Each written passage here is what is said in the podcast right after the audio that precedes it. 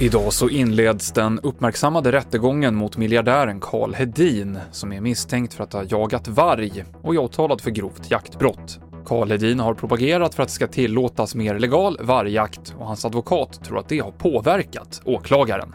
Han eh, tycker att det finns för mycket varg i Sverige och han har så att säga föreläst och propagerat angående detta och också, också föreslagit lösningar. Men han har aldrig någonsin vid något tillfälle förespråkat olaglig eller olaga jakt på varg. Det sa advokaten Sven Severin mer om det här fallet under morgonen. Två personer är anhållna misstänkta för mord i Härnösand. Det var igår eftermiddag som det kom larm om att en kvinna hittats död i en lägenhet.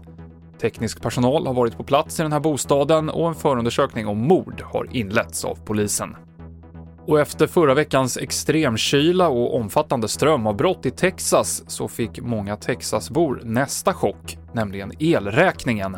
Ett rörligt elpris och stor efterfrågan på el gjorde att kostnaden skenade iväg för en del kunder. En man i Dallas fick betala motsvarande 21 500 kronor för en veckas el istället för omkring 120 kronor som han brukar. TV4-nyheterna med Mikael Klintevall.